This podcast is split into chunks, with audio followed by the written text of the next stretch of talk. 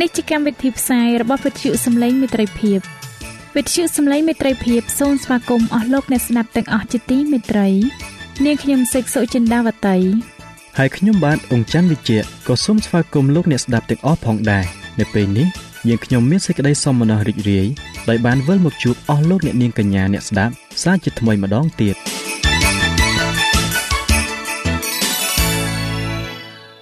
ចា៎លោកអ្នកស្ដាប់ជាទីមេត្រី នាងខ្ញុំសូមគោរពអញ្ជើញអស់លោកលោកស្រីអ្នកនាងកញ្ញាតាមដានស្ដាប់កម្មវិធីផ្សាយរបស់វិទ្យុយើងខ្ញុំដូចតទៅ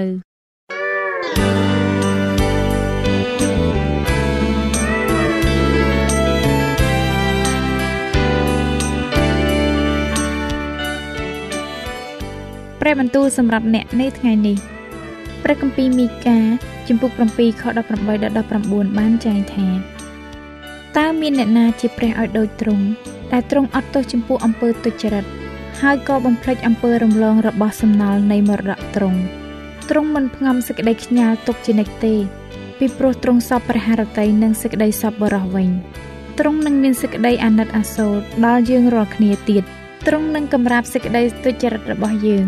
នៅក្រោមព្រះបាទហើយនឹងបោះអស់ទាំងអំពើបាបរបស់យើងនៅក្នុងសមុទ្រជ្រៅ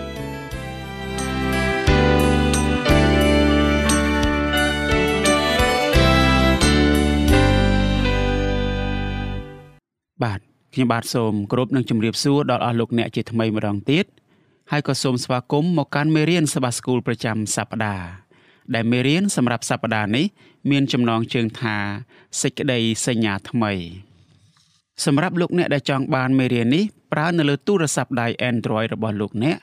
លោកអ្នកអាចចូលទៅឯ Play Store រួចទាញយកកម្មវិធីនេះបាន ដោយវាយពាក្យថាខ្មែរសបាស្គូលមុននឹងខ្ញុំបាទជម្រាបជូននៅខ្លឹមសារនៃមេរៀននេះ ខ្ញុំបាទសូមគ្រប់អញ្ជើញឲ្យលោកអ្នកនាងបានពិចារណានៅចំណុចដែលតកតងជាមួយនឹងមេរៀននេះមួយចំនួនដូចតទៅហេតុអ្វីបានជាព្រះត្រូវកត់ត្រាក្រឹតវិន័យនៅក្នុងចិត្តរបស់យើង យើងរាល់គ្នាអាចបានសង្គ្រោះដោយសារតែព្រះយេស៊ូវប៉ុណ្ណោះសេចក្តីសញ្ញាទាំងពីរបង្រៀនអំពីសេចក្តីពិតនៃព្រះគម្ពីរនេះដោយរបៀបណាដែរ ហេតុអ្វីបានជាយើងត្រូវមានការស្ដាប់បង្គាប់ក្នុងសេចក្តីសញ្ញាជាមួយព្រះហេតុអ្វីបានជាព្រះទ្រង់ព្រមទទួលយកការស្ដាប់បង្គាប់នេះជំនួសឲ្យការបំពានក្រឹតវិន័យដែលនៅពេលយើងលន់តួបាបរបស់យើង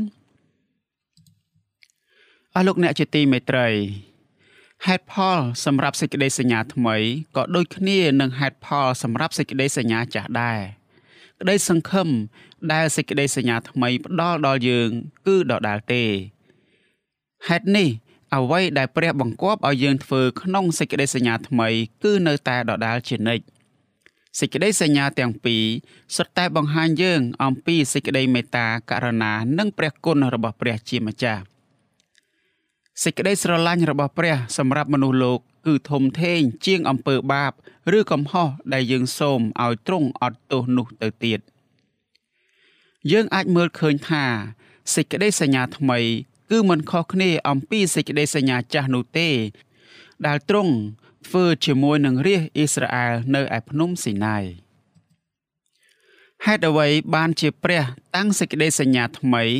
បើសេចក្តីសញ្ញាចាស់ដូចគ្នាច្រើនណាស់ទៅហើយនោះសេចក្តីសញ្ញាចាស់ មិនហួសសម័យនោះទេ បញ្ហារបស់សេចក្តីសញ្ញាចាស់គឺវាត្រូវបានគេបំពេញចម្លើយទៅនឹងសំណួរខាងលើបង្ហាញយើងថា មានផ្នែកជាច្រើននៃសេចក្តីសញ្ញាចាស់បានបន្តជាផ្នែករបស់សេចក្តីសញ្ញាថ្មីដដែលហេតុនោះសេចក្តីសញ្ញាថ្មី គឺជាសេចក្តីសញ្ញាចាស់ពីមុន ដែលព្រះទ្រង់បានធ្វើវាឲ្យថ្មីឡើងវិញនោះឯង សេចក្តីសញ្ញាថ្មីចាក់បំពេញ ឬធ្វើឲ្យសម្រេចនៅសេចក្តីសញ្ញាចាស់សូមក្រឡេកមើលផ្នែកចុងក្រោយ នៃខព្រះគម្ពីរយេរេមៀជំពូក31ខ34នៅក្នុងផ្នែកនេះ ព្រះអម្ចាស់មានព្រះបន្ទូលថាទ្រង់នឹងអត់ទោសដល់អំពើបាប របស់រាជរបស់ទ្រង់ទ្រង់ក៏មានបន្ទូលដែរថាទ្រង់នឹងកត់ក្រឹតវិន័យនៅក្នុងចិត្តរបស់យើង ហើយដាក់ក្រឹតវិន័យនៅក្នុងគំនិតរបស់យើងផង ទន្ទឹមគ្នានេះ ព្រះជាម្ចាស់បង្ហាញយើងថាទ្រង់នឹងអត់ទោសដល់យើងពីព្រោះដោយសារតែអំពើបាបរបស់យើង បានបំពានក្រឹតវិន័យដែលទ្រង់បានកត់ត្រាទុកក្នុងចិត្តរបស់យើងតើគោលគំនិតទាំងនេះផ្ទុយគ្នាមែនដែរឬទេម្យ៉ាងទៀតតើព្រះអាចកត់ត្រាក្រឹតវិន័យក្នុងចិត្តរបស់យើងបានទេ នៅពេលដែលចិត្តរបស់យើងពោពេញទៅដោយអំពើបាប ហើយយើងបានបំពានក្រឹតវិន័យរបស់ព្រះទៅហើយនោះអស់លោកអ្នកជាទីមេត្រីតាមរយៈខខាងលើ អាចជួយយើងឲ្យឆ្លើយទៅនឹងមនុស្សខ្លះដែលនិយាយថា យើងមិនចាំបាច់រក្សាក្រឹតវិន័យ10ប្រការ ដែលមាននៅក្នុងសេចក្តីសញ្ញាថ្មីទៀតនោះឡើយ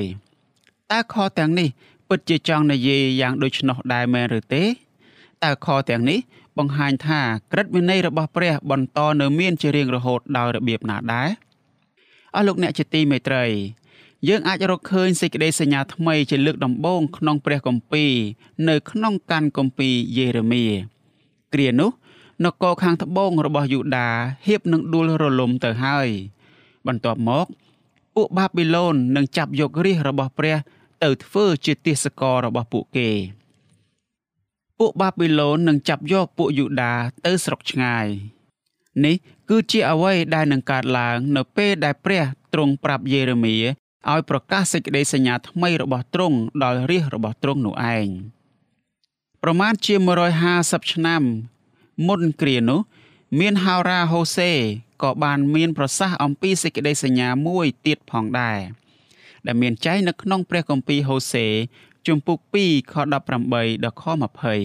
20លោកហូសេលើកឡើងអំពីគោលគំនិតនេះនៅគ្រាដែលពួកអាសឺហៀបនឹងបំផ្លាញអំបូរទាំង10របស់អាណាចក្រខាងជើង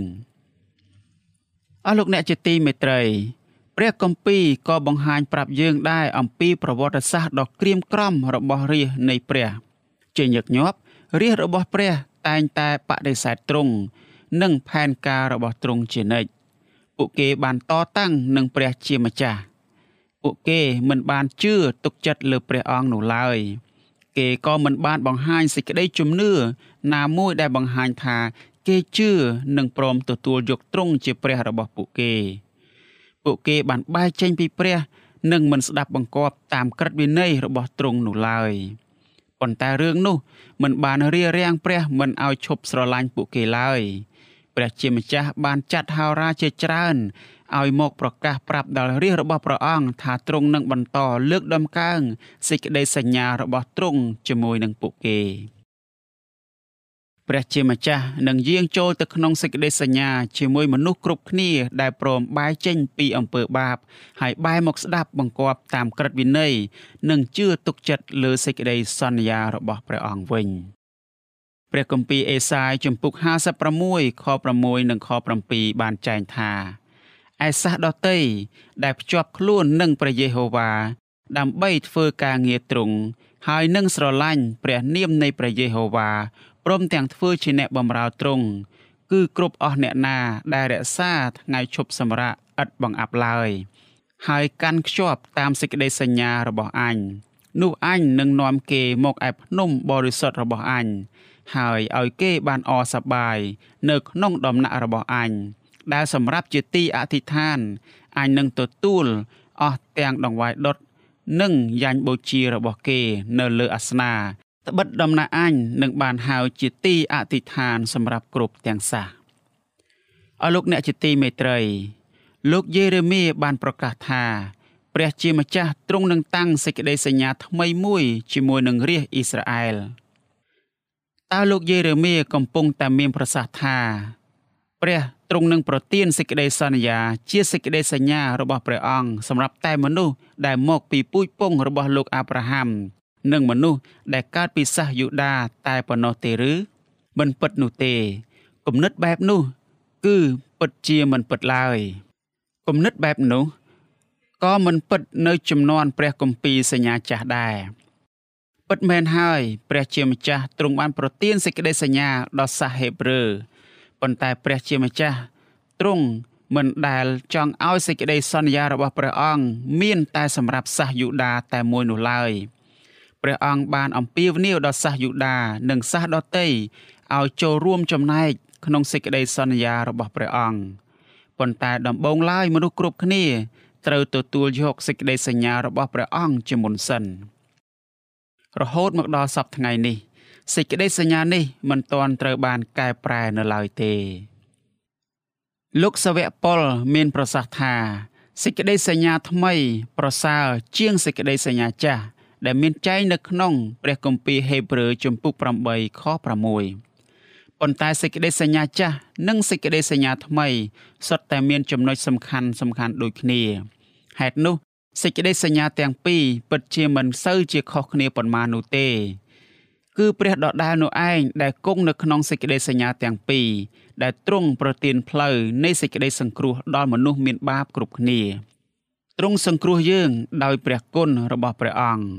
ព្រះជាម្ចាស់ដដែលដែលគង់នៅក្នុងសេចក្តីសញ្ញាទាំងពីរចង់ឃើញមនុស្សមួយក្រុមដែលប្រាថ្នាចង់ជួបទ្រង់ និងទទួលយកសេចក្តីសន្យានៃការអត់ឱនទោសរបស់ព្រះអង្គដោយដែលមានចែងនៅក្នុងព្រះគម្ពីរយេរេមៀជំពូក31ខ4និងព្រះគម្ពីរហេព្រើរជំពូក8ខ12ព្រះជាម្ចាស់ទ្រង់ចង់កត់ត្រាក្រឹតវិន័យរបស់ព្រះអង្គនៅក្នុងដួងចិត្តរបស់រាជទ្រង់រាជរបស់ព្រះអង្គត្រូវតែមានមិត្តភាពយ៉ាងជិតស្និទ្ធផ្ទាល់ជាមួយនឹងទ្រង់រាជរបស់ព្រះ គឺមានទាំងសាសយូដា និងសាសដតីផងដែរលោហិតរបស់ព្រះយេស៊ូវបានប្រមូលសាសយូដា និងសាសដតីឲ្យខិតមកចិត្តព្រះជាម្ចាស់ព្រះយេស៊ូវទ្រង់បានធ្វើឲ្យសេចក្តីសញ្ញាថ្មី អាចទទួលយកបានដោយមនុស្សគ្រប់គ្នាដែលជឿលើព្រះអង្គ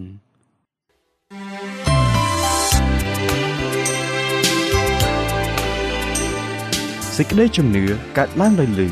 ហើយដែលលឺនោះ គឺដោយសារព្រះបន្ទូលនៃព្រះ តាមរយៈវិទ្យុសំឡេងមិត្តភាព AWR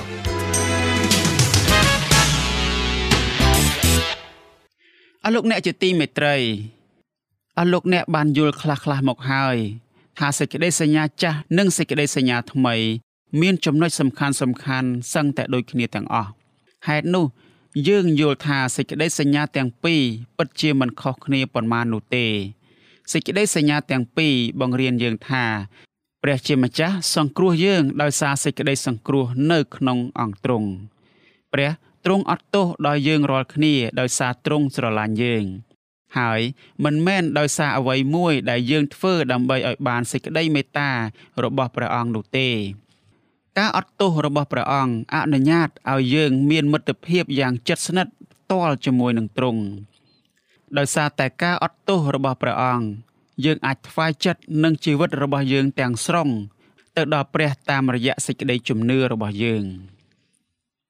នោះទ្រង់នឹងជួយយើងឲ្យបំរើនិងស្ដាប់បង្គាប់ដល់ទ្រង់គ្រប់ពេលវេលា ពិតមែនហើយសេចក្តីសញ្ញាទាំងពីរគឺដដាលទេប៉ុន្តែកាន់គម្ពីរហេព្រើរក៏បានចែងថាសេចក្តីសញ្ញាថ្មីប្រសើរជាងសេចក្តីសញ្ញាចាស់ ដែលមានចែងនៅក្នុងព្រះគម្ពីរហេព្រើរជំពូក8ខ6ហេតុអ្វីបានជាសេចក្តីសញ្ញាថ្មីប្រសើរជាងតើសេចក្តីសញ្ញាចាស់មានបញ្ហាអ្វីដែរបញ្ហារបស់សេចក្តីសញ្ញាចាស់គឺមិនមែនមកពីសេចក្តីសញ្ញានោះទេ គឺជារាជរបស់ព្រះទេតាដែលមានបញ្ហានោះពួកគេខកខានមិនបានមានសេចក្តីជំនឿលើសេចក្តីសញ្ញានេះដោយដែលមានចែងនៅក្នុងព្រះគម្ពីរហេព្រើរជំពូក4ខ2 ចុះសេចក្តីសញ្ញាថ្មីប្រសើរជាងសេចក្តីសញ្ញាចាស់យ៉ាងណាវិញសេចក្តីសញ្ញាថ្មីបង្ហាញថាព្រះយេស៊ូវគឺជាវិធីដែលប្រសើរជាងខ្លាំងណាស់សេចក្តីសញ្ញាចាស់បង្ហាញអំពីព្រះយេស៊ូវតាមរយៈដង្វាយយ៉ាញ់បូជា បណ្ដាជនបាននាំយកដង្វាយទាំងនេះមកឯព្រះវិហារ ពួកសង្ឃបានសម្លាប់សត្វដើម្បីបង្ហាញអំពីរបៀបដែលព្រះយេស៊ូវនឹងត្រូវយាងមកសគត់យ៉ាងណាដើម្បីសង្គ្រោះមនុស្សមានបាបនៅក្នុងគម្ពីរសញ្ញាថ្មីព្រះយេស៊ូវគឺជាយ៉ាញ់បូជាផងនិងជាសង្ឃផងទ្រង់ធ្វើការដើម្បីសង្គ្រោះរាជរបស់ព្រះអង្គដោយសារព្រះលោហិតរបស់ទ្រង់ផ្ទាល់ហេតុនេះកាដូនៃសេចក្តីអត់ទោសដែលព្រះប្រទានដល់សាសអ៊ីស្រាអែលនៅក្នុងសេចក្តីសញ្ញាចាស់ គឺជាកាដូដដែលដែលព្រះទ្រង់បានប្រទានដល់យើងរាល់គ្នា នៅក្នុងសេចក្តីសញ្ញាថ្មីនេះឯងប៉ុន្តែសេចក្តីសញ្ញាថ្មីបង្ហាញឲ្យឃើញសេចក្តីស្រឡាញ់របស់ព្រះកាន់តែពេញលេញជាងសេចក្តីសញ្ញាថ្មី ប្រសើរជាងដោយសារតែសេចក្តីពិតនៃព្រះគម្ពីរតាមរយៈនិមិត្តរូបក្នុងគម្ពីរសញ្ញាចាស់ត្រូវបានបង្ហាញឲ្យឃើញក្នុងព្រះជន្មនិងពន្ធកិច្ចរបស់ព្រះយេស៊ូវពិតពិតតែម្ដង ដោយដែលមានចែងនៅក្នុងព្រះគម្ពីរហេព្រើរជំពូក9ខ8ដល់ខ14តើព្រះយេស៊ូវទ្រង់បានធ្វើកិច្ចការអ្វីខ្លះតើទ្រង់កំពុងធ្វើអ្វីនៅពេលឥឡូវនេះព្រះយេស៊ូវគឺជាកូនឈាមដែលត្រូវគេសម្លាប់ទ្រង់បានបង្ហូរព្រះលោហិតរបស់ទ្រង់សម្រាប់អំពើបាបរបស់យើងព្រះគម្ពីរហេព្រើរជំពូក9ខ12ទ្រង់ក៏ធ្វើជាសម្ដេចសង្ឃ របស់យើងនៅស្ថានសួគ៌ដែរព្រះគម្ពីរហេព្រើរជំពូក7ខ25ទ្រង់ឈរនៅរវាងយើង និងសេចក្តីក្រោធរបស់ព្រះទាស់នឹងអំពើបាបព្រះយេស៊ូវធ្វើកិច្ចការដើម្បីសង្គ្រោះមនុស្សយើងរាល់គ្នា ទាំងថ្ងៃទាំងយប់អស់លោកអ្នកជាទីមេត្រី ព្រះគម្ពីរហេព្រើរបង្ហាញយើងថា ព្រះយេស៊ូវទ្រង់ធ្វើកិច្ចការនៅក្នុងព្រះវិហារនៅស្ថានសួគ៌ដើម្បីសង្គ្រោះយើងរាល់គ្នាព្រះយេស៊ូវគឺជាសម្ដេចសង្ឃរបស់យើងមួយអង្គគត់កិច្ចការដែលព្រះយេស៊ូវបានធ្វើនៅស្ថានសួគ៌សម្រាប់យើង គឺត្រូវបានផ្សារភ្ជាប់យ៉ាងជិតស្និទ្ធនឹងសេចក្តីសន្យា របស់ព្រះអង្គក្នុងសេចក្តីសញ្ញាថ្មីព្រះជាម្ចាស់ ទ្រង់ក៏សពព្រះត្រីឲ្យរាជរបស់ព្រះអង្គដែលស្ថិតនៅក្រោមសេចក្តីសញ្ញាចាស់យល់អំពីរបៀបដែលទ្រង់សង្គ្រោះមនុស្សលោកផងដែរហេតុនោះហើយបានជាព្រះជាម្ចាស់បង្គាប់ឲ្យលោកម៉ូសេសង់រោងអបោសុតនៅវិលរហោឋាន ដែលជាកន្លែងដែលរាជរបស់ព្រះអង្គអាចថ្វាយបង្គំទ្រង់បាន ការថ្វាយបង្គំរបស់ពួកគេនឹងជួយពួកគេឲ្យរៀនអំពីផ្នែកផ្សេងផ្សេងនៃសេចក្តីសញ្ញាចាស់ ផ្នែកមួយនៃផ្នែកទាំងនេះ គឺពិតជាធ្វើជាដង្វាយយ៉ាញ់បូជា បណ្ដាជនត្រូវយកដង្វាយយ៉ាញ់បូជាមកឯសង្ឃសត្វត្រូវបានគេសម្លាប់ សង្ឃត្រូវបានថ្វាយឈាម ទៅព្រះជាម្ចាស់ជាដង្វាយលុះបាបសម្រាប់បណ្ដាជន ផ្នែកផ្សេងផ្សេងនៃការថ្វាយបង្គំទាំងនេះ នៅក្នុងចំនួនព្រះគម្ពីរសញ្ញាចាស់បង្ហាញពីរបៀបដែលព្រះយេស៊ូវសង្គ្រោះយើងរាល់គ្នា ចូលនឹកចាំថាដងវាយទាំងនេះគ្រាន់តែជានិមិត្តរូបនៃកិច្ចការដែលព្រះយេស៊ូវធ្វើតែប៉ុណ្ណោះយ៉ាញ់បូជានិងឈាមសัตว์មិនអាចសង្គ្រោះនរណាម្នាក់បានឡើយដងវាយយ៉ាញ់បូជានិងសង់ដែលថ្វាយឈាមសัตว์ទៅឯព្រះជាម្ចាស់បង្ហាញអំពីកិច្ចការដែលព្រះយេស៊ូវទ្រង់នឹងយាងមកធ្វើយ៉ាងពិតប្រាកដព្រះយេស៊ូវបានក្លាយជាយ៉ាញ់បូជាលោហិតរបស់ព្រះអង្គ បានចាប់ផ្ដើមឲ្យមានសេចក្តីសញ្ញាថ្មីលោហិតរបស់ព្រះយេស៊ូវបានធ្វើឲ្យសេចក្តីសញ្ញាថ្មីស្របច្បាប់ឡើង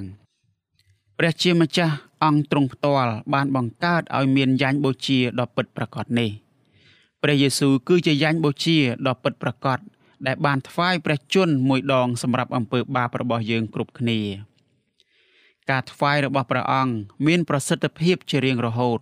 ដោយដែលមានចែងនៅក្នុងព្រះគម្ពីរហេព្រើរជំពូក9ខ26បន្ទាប់ពីព្រះយេស៊ូវទ្រង់បានសុគត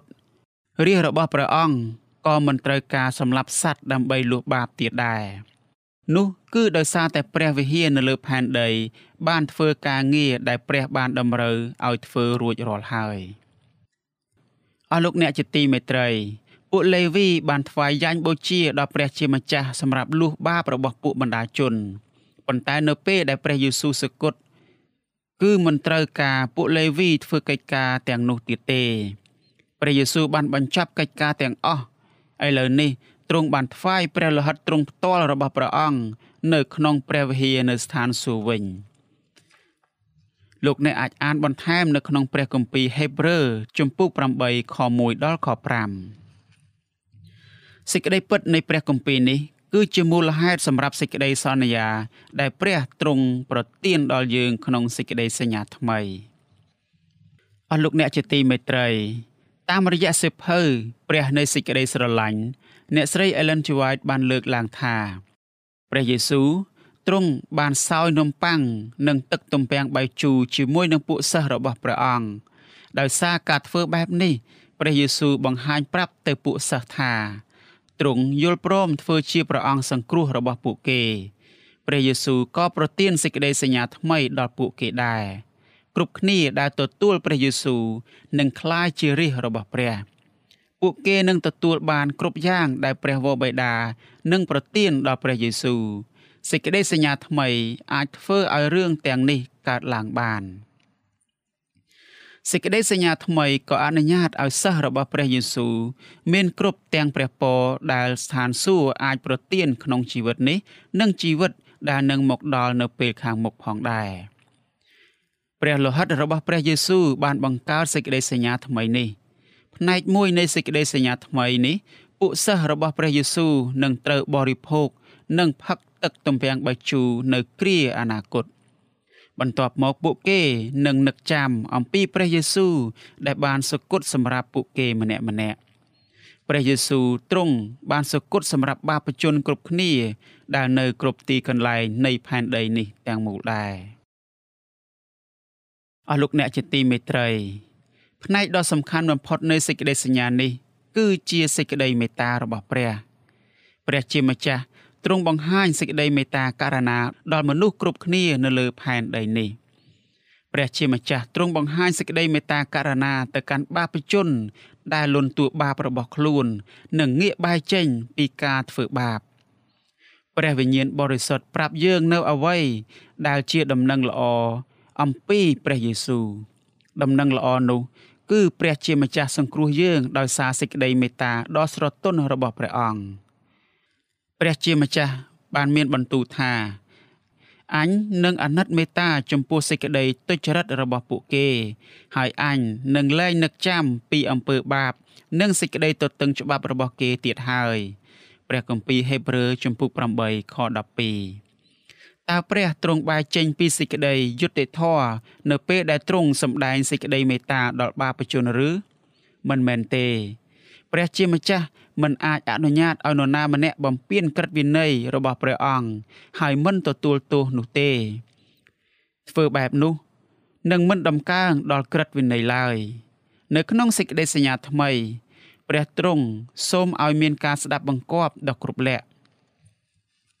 ហេតុនោះ បាបជនត្រូវតែលន់តួបាបរបស់ខ្លួន ហើយបែរចេញពីការធ្វើបាបតទៅទៀត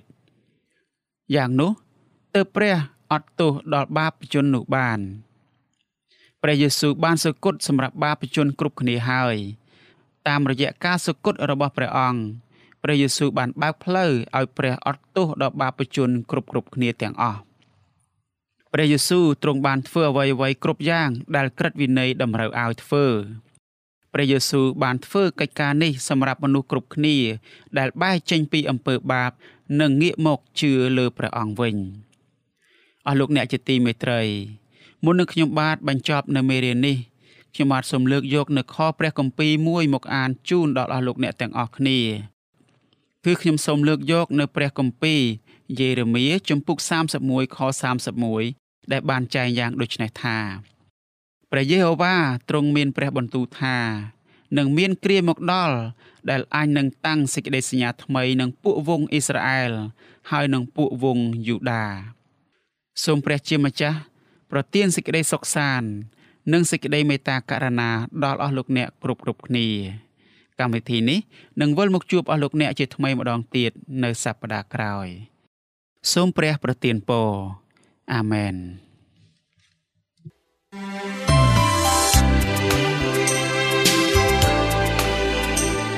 វិទ្យុសំឡេងមេត្រីភាព AWR មានផ្សាយពីរដងក្នុងមួយថ្ងៃគឺព្រឹកនៅម៉ោង6 និងពេលយប់នៅម៉ោង8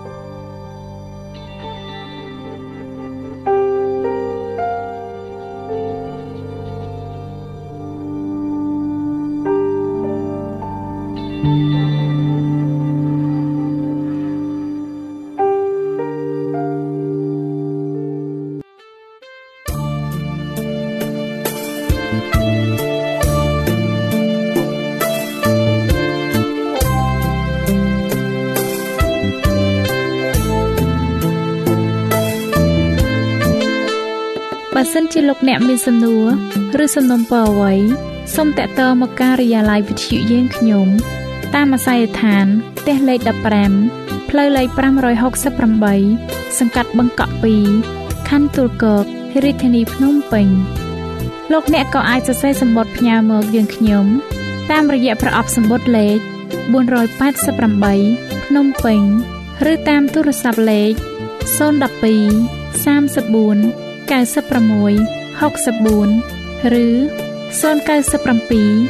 80 81 060ឬក៏តាមរយៈអ៊ីមែល vol@awr.org យើងខ្ញុំរងចាំទទួលស្វាគមន៍អស់លោកអ្នកនាងដោយក្តីសោមនស្សរីករាយហើយលោកអ្នកក៏អាចស្ដាប់កម្មវិធីនេះឡើងវិញ ដោយចូលទៅកាន់ website របស់វិទ្យុយើងខ្ញុំ តាមរយៈអាស័យដ្ឋាន www.awr.org